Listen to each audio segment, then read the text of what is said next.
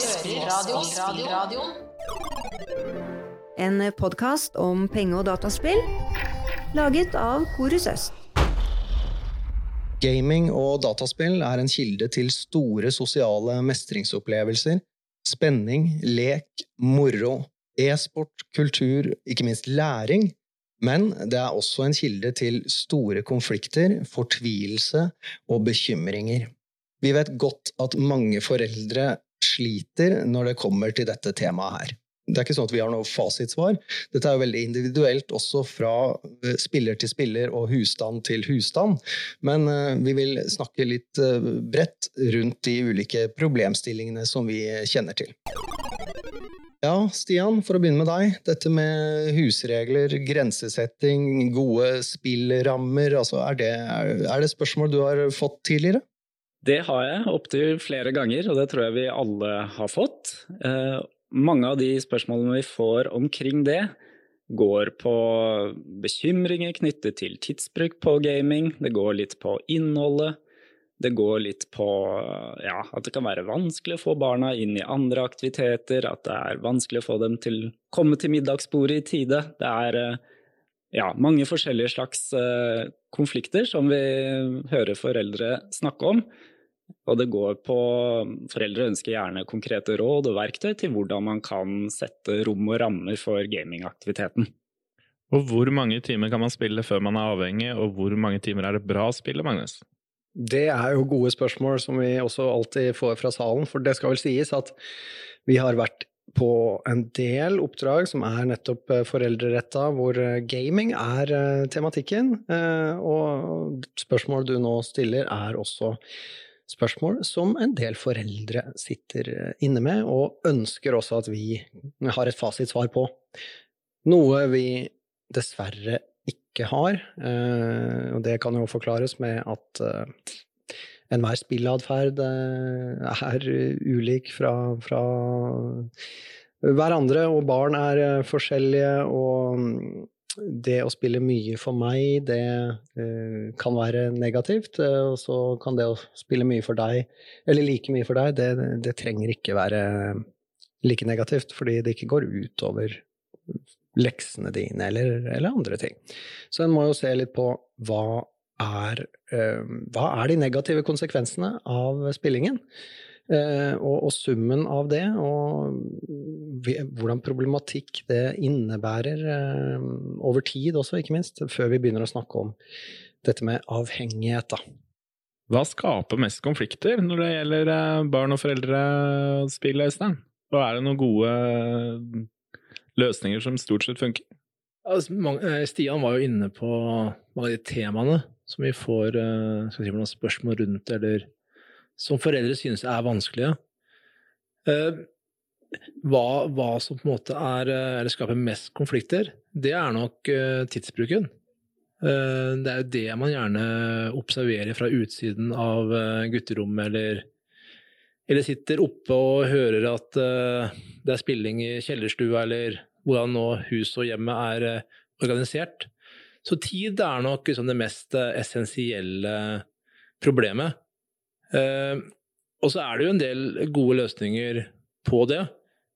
Uh, men det er veldig vanskelig, som har blitt sagt her, at, å si noe om nøyaktig hva, hva slags tidsbruk som er uh, en god løsning.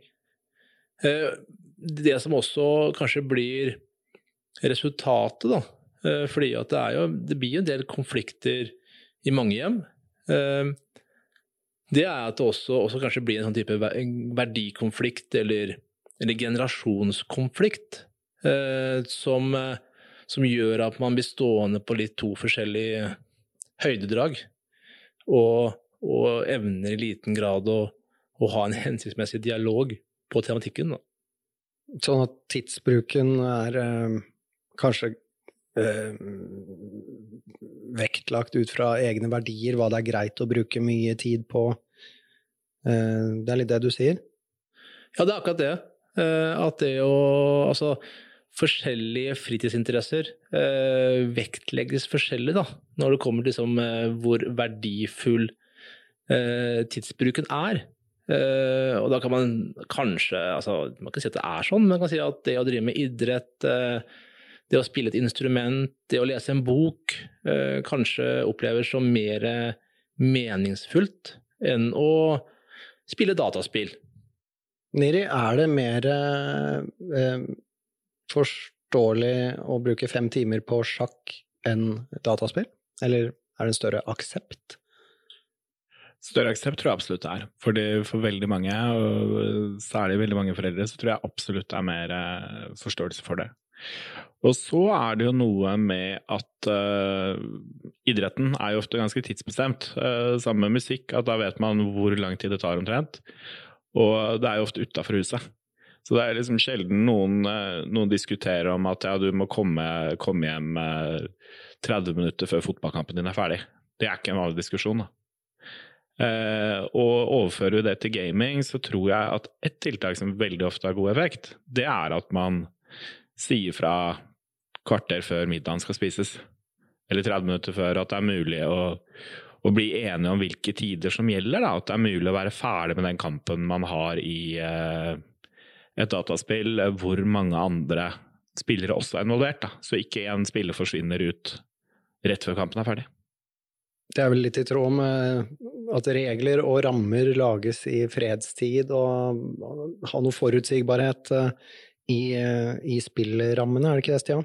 Ja, absolutt, og det er jo en av de rådene vi ofte gir. Altså innholdet i rammene eller reglene, det har vi ikke noe sånn fasit eller én eh, løsning som fungerer i alle hjem. Men det må på en måte både foreldre og barn være delaktige i.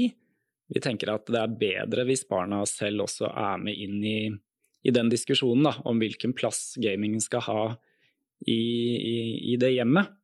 Eh, og at det også bør eh, inngå også foreldrenes skjermbruk. For det vet vi også fra annen forskning at barna gjør samme vurdering av foreldrenes tidsbruk på skjerm som foreldrene gjør av barnas.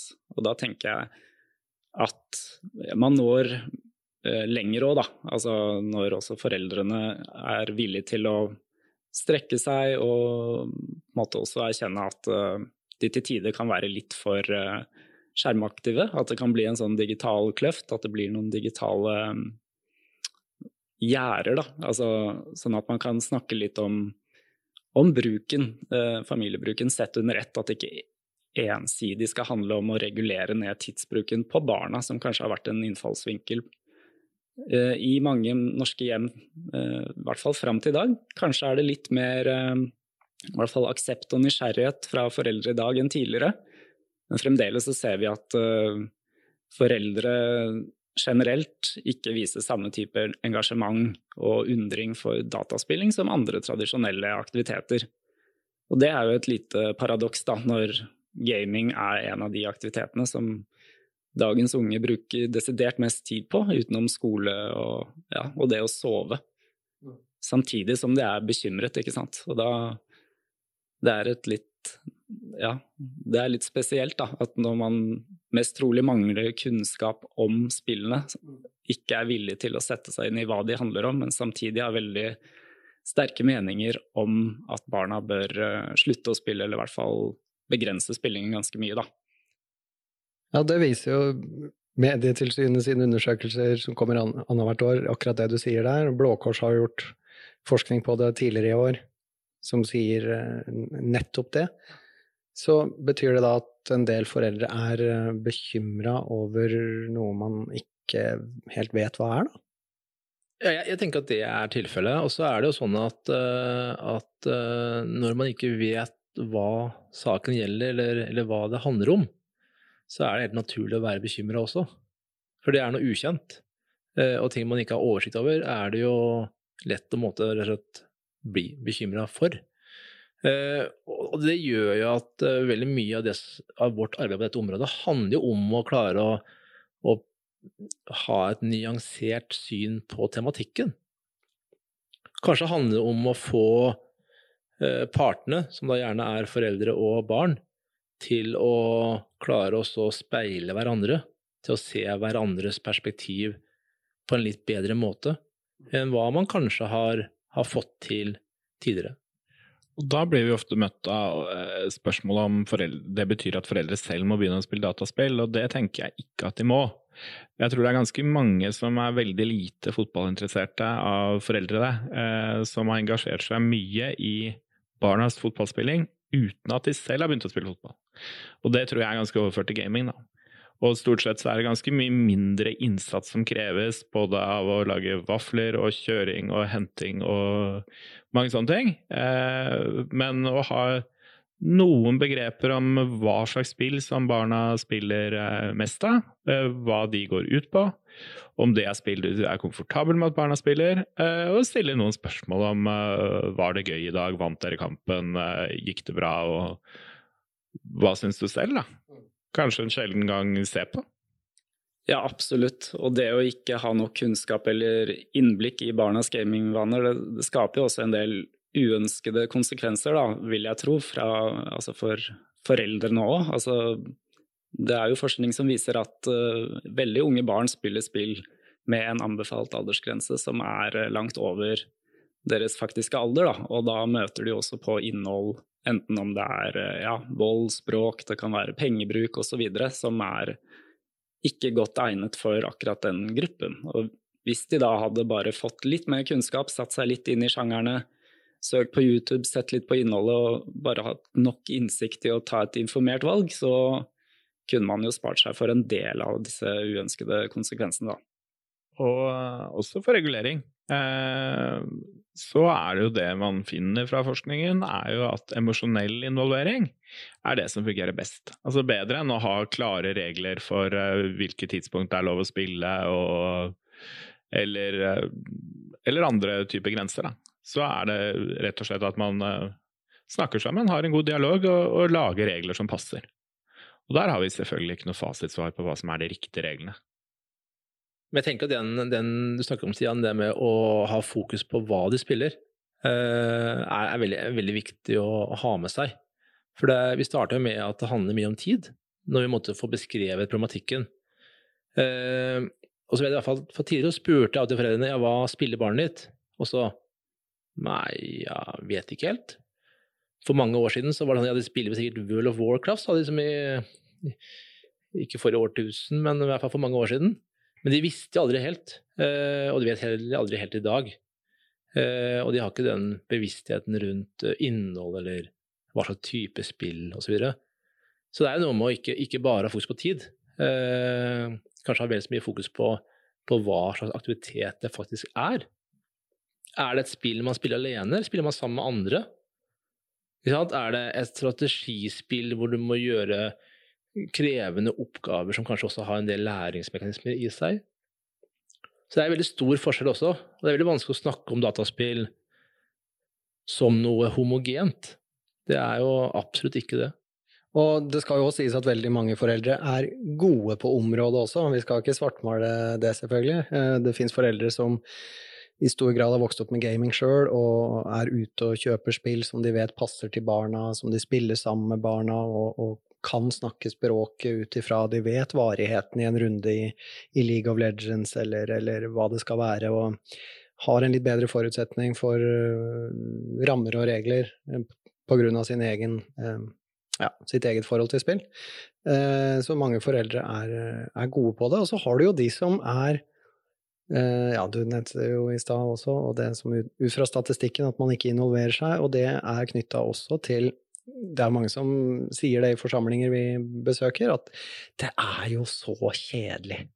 Nei og nei. Dataspill, altså. Det, jeg syns det er dritkjedelig. Den har vi hørt flere mødre og, og fedre også som sier. Og ikke sant, de ja, syns det er kjedelig og gidder ikke heller sette seg inn i det, for det er så meningsløst og, og, kjedelig oppleves sånn, og det, det, er klart man skal ikke ta det fra dem, men, men uh, at det kanskje handler om, hvis det handler om en dynamikk i hjemmet og et samspill og en kommunikasjon, at uh, prisen å betale er faktisk å, å, sette seg inn i noe som da er kjedelig også.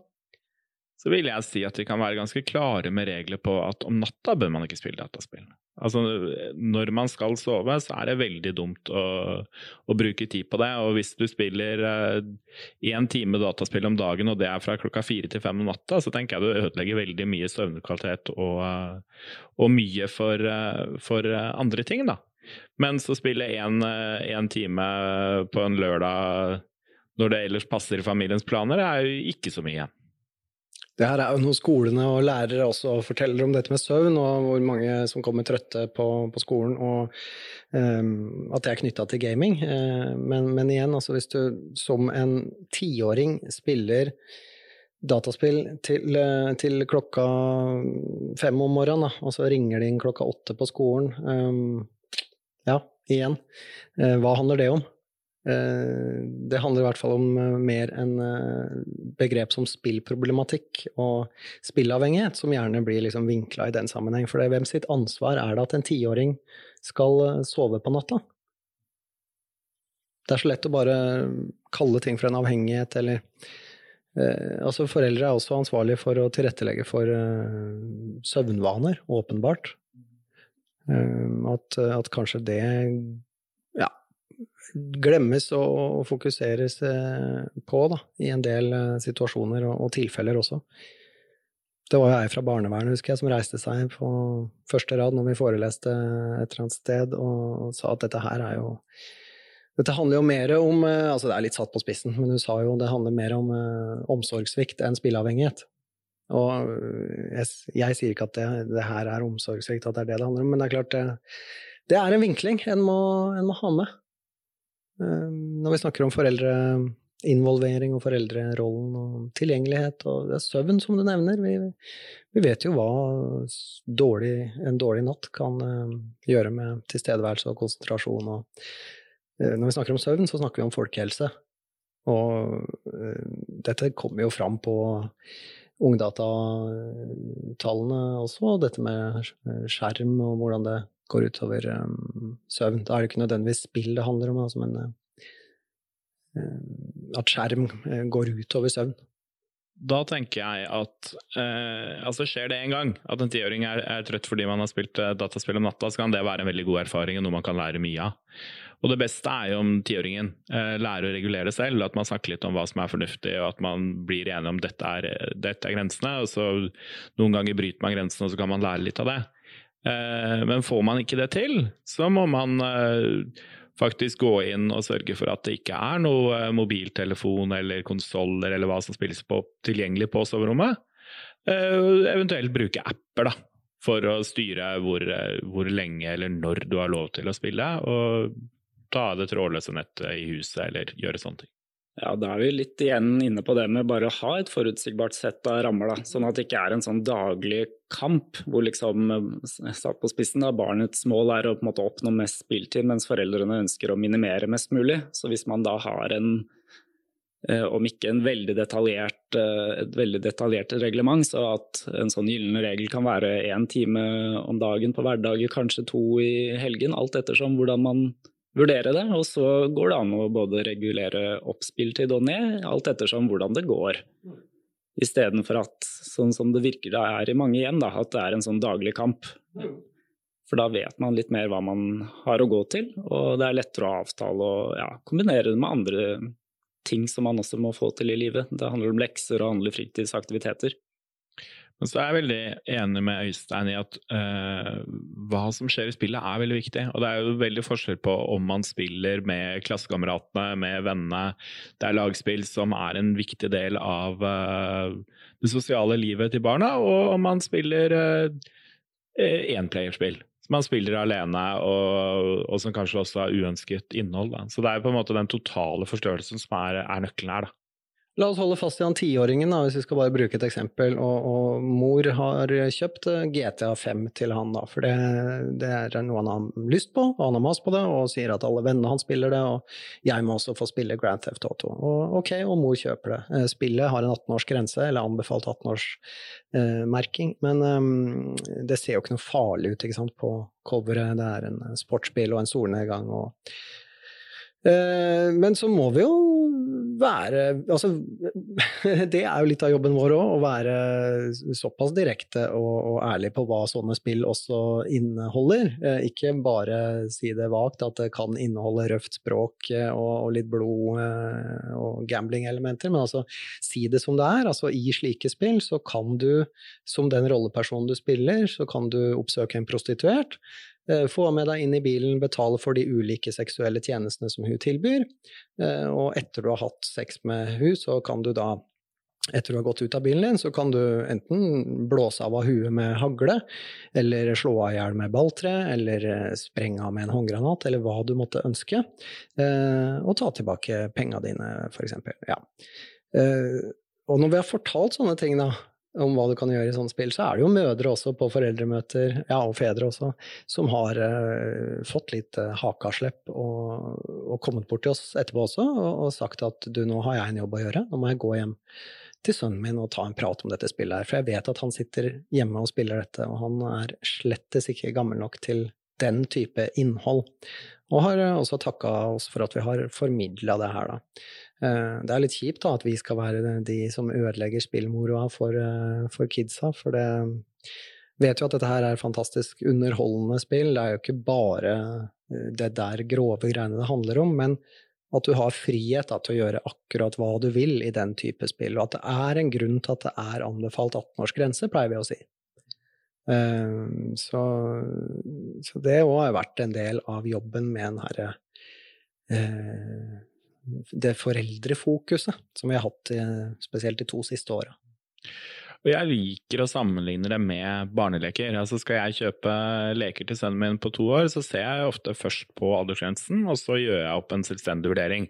Og jeg ser på at ok, men det Lego-settet er fra fire år opp, men er det noen små biter han kan sette i halsen, er det andre ting som gjør at det er farlig? Og det tror jeg de aller fleste av foreldre er veldig vant til å ta akkurat den derre eh, vurderingen der. da, At man ikke bare blindt eh, svelger aldersgrense, men at man også tenker at hvorfor er det sånn, og kanskje jeg skal gå på tvers av det her. Og da er det, når man kommer til spill, så er det veldig lurt å prøve å skaffe seg noe informasjon om hva er det et spill inneholder. Ja, og der, og der, finnes det jo i hvert fall én eh, veldig god side, sikkert flere sider også. Men Barnevakten, barnevakten.no, har, har jo veldig gode spillanmeldelser. Altså hvor de anmelder spillene på bakgrunn av spillenes innhold, blant annet. Eh, og sier noe om eh, hvordan dette innholdet kanskje tilpasses eh, eller passer for spesielle målgrupper. Jeg er jo far til tre gutter sjøl, og bruker jevnlig barnevakten, for det er jo Altså, jeg har ikke mulighet til å oversitte over alle mulige spill de spør om. Men, men et kjapt søk på barnevakten, så finner jeg veldig mange spill som de spør om, og skal de lese en anmeldelse som sier noe om, om eh, Det kan være at det er anbefalt sånn og sånn og sånn. Det kan være at det også handler om eh, at man kan gå inn som forelder og sette noen begrensninger i enkelte spill også. Blant annet så kan man gå inn og sette en begrensning i et spill som heter Roblox, som i hvert fall spilles hjemme nå, eh, som gjør at man ikke kan ha kontakt med andre enn sine egne venner i spillet. Og da, da, fjerner man noe av den liksom, si noe, farene som kan være da, i spillet, eh, og har litt bedre kontroll. Å begrense kjøp i spillet er jo veldig lurt på veldig mange spill. Eh, og så er det sånn med filmer at det er én anbefalt aldersgrense om eh, barnet ser filmen selv, og en annen hvis man ser det sammen med noen voksne. Og det ser jeg på som veldig overførbart til spill. da. For det er klart, hvis det du, han tiåringen vil gjøre i GTA, det var å se på bilene og kanskje kjøre de litt, og du da satt ved siden hans, så trenger jo ikke det være noe farlig. Og det du sier, Øystein, med å lese på barnevakten.no, eller ja, det ligger jo eh, på YouTube også, vil du jo finne masse om de ulike spillene. At du har en litt um, bredere grunnlag på å sette de grensene som du nevner også. For det, alt vi snakker om nå, bunner jo ut i at dessverre så må foreldre sette seg inn i Altså det å sette de grensene som du nevner, eh, med hvem de har kontakt med, f.eks. Det er overførbart til eh, Vi leste en sak tidlig i sommer om Fortnite på Vestlandet, hvor en eh, dessverre, historier som også går igjen, hvor en voksen person kontakter barn i spill for å etablere en relasjon. Da vil jo ikke det være mulig når du setter de grensene du har gjort der, men, men igjen, det krever jo at man vet at det der går an. Og det er det veldig mange som ikke vet. Ja, det finnes masse, masse altså, eh, begrensninger, blant annet, som foreldre kan legge inn i spillet. Altså både i, i enhetene spilles på, altså Android eh, eller IOS-enheter eller spillkonsoller. Så man kan legge inn masse, masse begrensninger i forhold til hva som måte, er mulig å spille, eller hva det er mulig å se, eller hva det er mulig å gjøre på de forskjellige enhetene. Nå anbefaler ikke vi at man skal gå inn og sette aldersgrenser eller bruksgrenser uten å ta praten med barna først. Man bør jo i hvert fall informere minimum hvis det er små barn. Og så bør man kanskje ta en prat med barna hvis de er en 10-11-12-13 13 år. Eh, men det er mulig å sette grenser som sier noe om at her er det maks eller eh, ikke aldersgrenser over en vidt alder. Man kan sette begrensninger på spill som har et gitt innhold. Eh, så det er masse sånne foreldrekontroller, både på enhetene som man spiller på, men det finnes også eh, e-, egne foreldrekontroller eh, på forskjellige spill. Jeg fikk lyst til å gripe tak i noe av det du nevnte, Magnus. Altså, I spill åpenbart så kan det jo skje både kjipe ting, à la mobbing, ekskludering. Det kan være mer alvorlige hendelser også, selvfølgelig når voksne prøver å komme i kontakt med barn. Men det er også en arena der barn opplever mye læring og mestring. Da. Men det er klart det er ikke så lett for barna å komme og fortelle sine digitale, om sine digitale liv da, når de opplever at foreldrene har veldig sterke fordommer eller ikke spør spørsmål eller ikke viser noe engasjement. Mm. Sånn at det blir litt uh, en del opplevelser som barna må sitte på for seg selv. Da. Og det er jo dumt, både når det gjelder positive, positive opplevelser, som de gjerne vil formidle til foreldrene sine, selvfølgelig, men også når de faktisk trenger hjelp. Da. Altså at det kan være skambelagt å fortelle om eh, enten det at de har blitt ekskludert fra Fifa-laget, eller altså andre ting som kan oppstå. Så det er også noe med foreldrenes rolle å skape et hjem der det er naturlig å dele, og da inkludert det som skjer på, på digitale plattformer. Da. Spill, sosiale medier også. Vi har snakka om uh, å øke sin egen kunnskap. Eh, vi har snakka om eh, tilgjengelighet og, og tid og, og, innhold. Eh, hva annet er det vi snakker med foreldre om? Erfaringsdeling er jo også noe vi ofte er litt innom, Magnus, er det ikke det? Erfaringsdeling er Ja, og hva mener vi med det? Det går jo litt på at man som forelder så kan man jo snakke med foreldre til altså barnas venner, rett og slett. For å høre litt om hva, hva, deres barn spiller. Kanskje man kan komme til enighet om noen felles kjøreregler som går på spilling. Altså vi skal forholde oss til ja, de alders, anbefalte aldersgrensene. At man kan f.eks. avtale spillkvelder, hvor foreldrene på en måte kan være litt sånn vertskap, sånn som man ofte ellers er på Man samarbeider da rett og slett litt rundt aktiviteten. Eh, og bare det sett fra et foreldreperspektiv, så kan det jo være veldig en fin opplevelse da, å oppleve at du ikke står alene i en problematisk situasjon, da, sånn som mange foreldre ofte opplever at det er. Altså at de er de eneste som ikke gir barna sine tillatelse til å spille et bestemt spill, men hvis man kanskje allierer seg med de nærmeste eh, ja, relevante i foreldregruppen, så er det enklere hvis man står litt samlet. Da er det ikke like lett for eh, barna å si at eh, alle andre får spille det. En tråd, eller som du sa innledningsvis, Niri, det der med å kjøre på fotballtrening og, og eh, kjøre ungene på aktiviteter og sånn, der skal vi faktisk gi en stor klapp på skuldra, eller i hvert fall nevne at eh, e-sportmiljøene har fått til noe her eh, ved å starte e-sportklubber rundt om i det ganske land, hvor faktisk foreldre må kjøre barna sine på ja, trening, eller hva du vil kalle det, spillkvelder eller, eller eh, gaming, og at det òg tvinger seg fram en sånn, som en sånn sosial arena. og et nettverk hvor man også eh, ikke sant, Man må jo ut av kjellerstua eller ut av gutterommet og, eh, og samlokaliseres. Og det er, må jo ses som, eh, som veldig positivt, i hvert fall med tanke på at ja, når vi snakker om spillproblematikk og sånne alvorlige ting, så er det jo gjerne Uh, unge, unge, gutter og menn det er snakk om, som, som gjerne sitter mye hjemme alene. Eh, og bare er sosiale via en, eh, en skjerm, eh, men at det her og nå blir flere arenaer hvor man også møtes på fysisk. Da. Og kanskje en arena da også for foreldre å snakke med andre foreldre. som du akkurat nevnte innenfor erfaringsutveksling, Stian? Ja da, for all del. Det er mange foreldre som er, eh, som er, dyktige her. Og vi ser det også på The Gathering. ikke sant? Foreldre som kjører barna sine fra alle kriker og kroker i landet med hele gaming-riggen, og det er tilhenger og altså, som virkelig stiller opp da, som på en hvilken som helst annen aktivitet. Men fremdeles, da, gjennom forskningen, så vet vi at det er en treghet her når det gjelder liksom foreldre sett under ett. Det er betraktelig færre som viser samme grad av interesse for gaming som de gjør for korps, for langrenn, for fotball. Og da, som Niri var inne på, så er det ikke alltid en sånn iboende interesse fra foreldrenes side som gjør at de stiller opp på det, men de tenker nok at det er en god foreldregjerning å nettopp eh, være med barna sine, da. Men enn så lenge så virker det kanskje litt som gaming er en sånn siste bastion hvor foreldre tenker at jeg har ikke noe egeninteresse, og derfor stopper engasjementet der òg, da.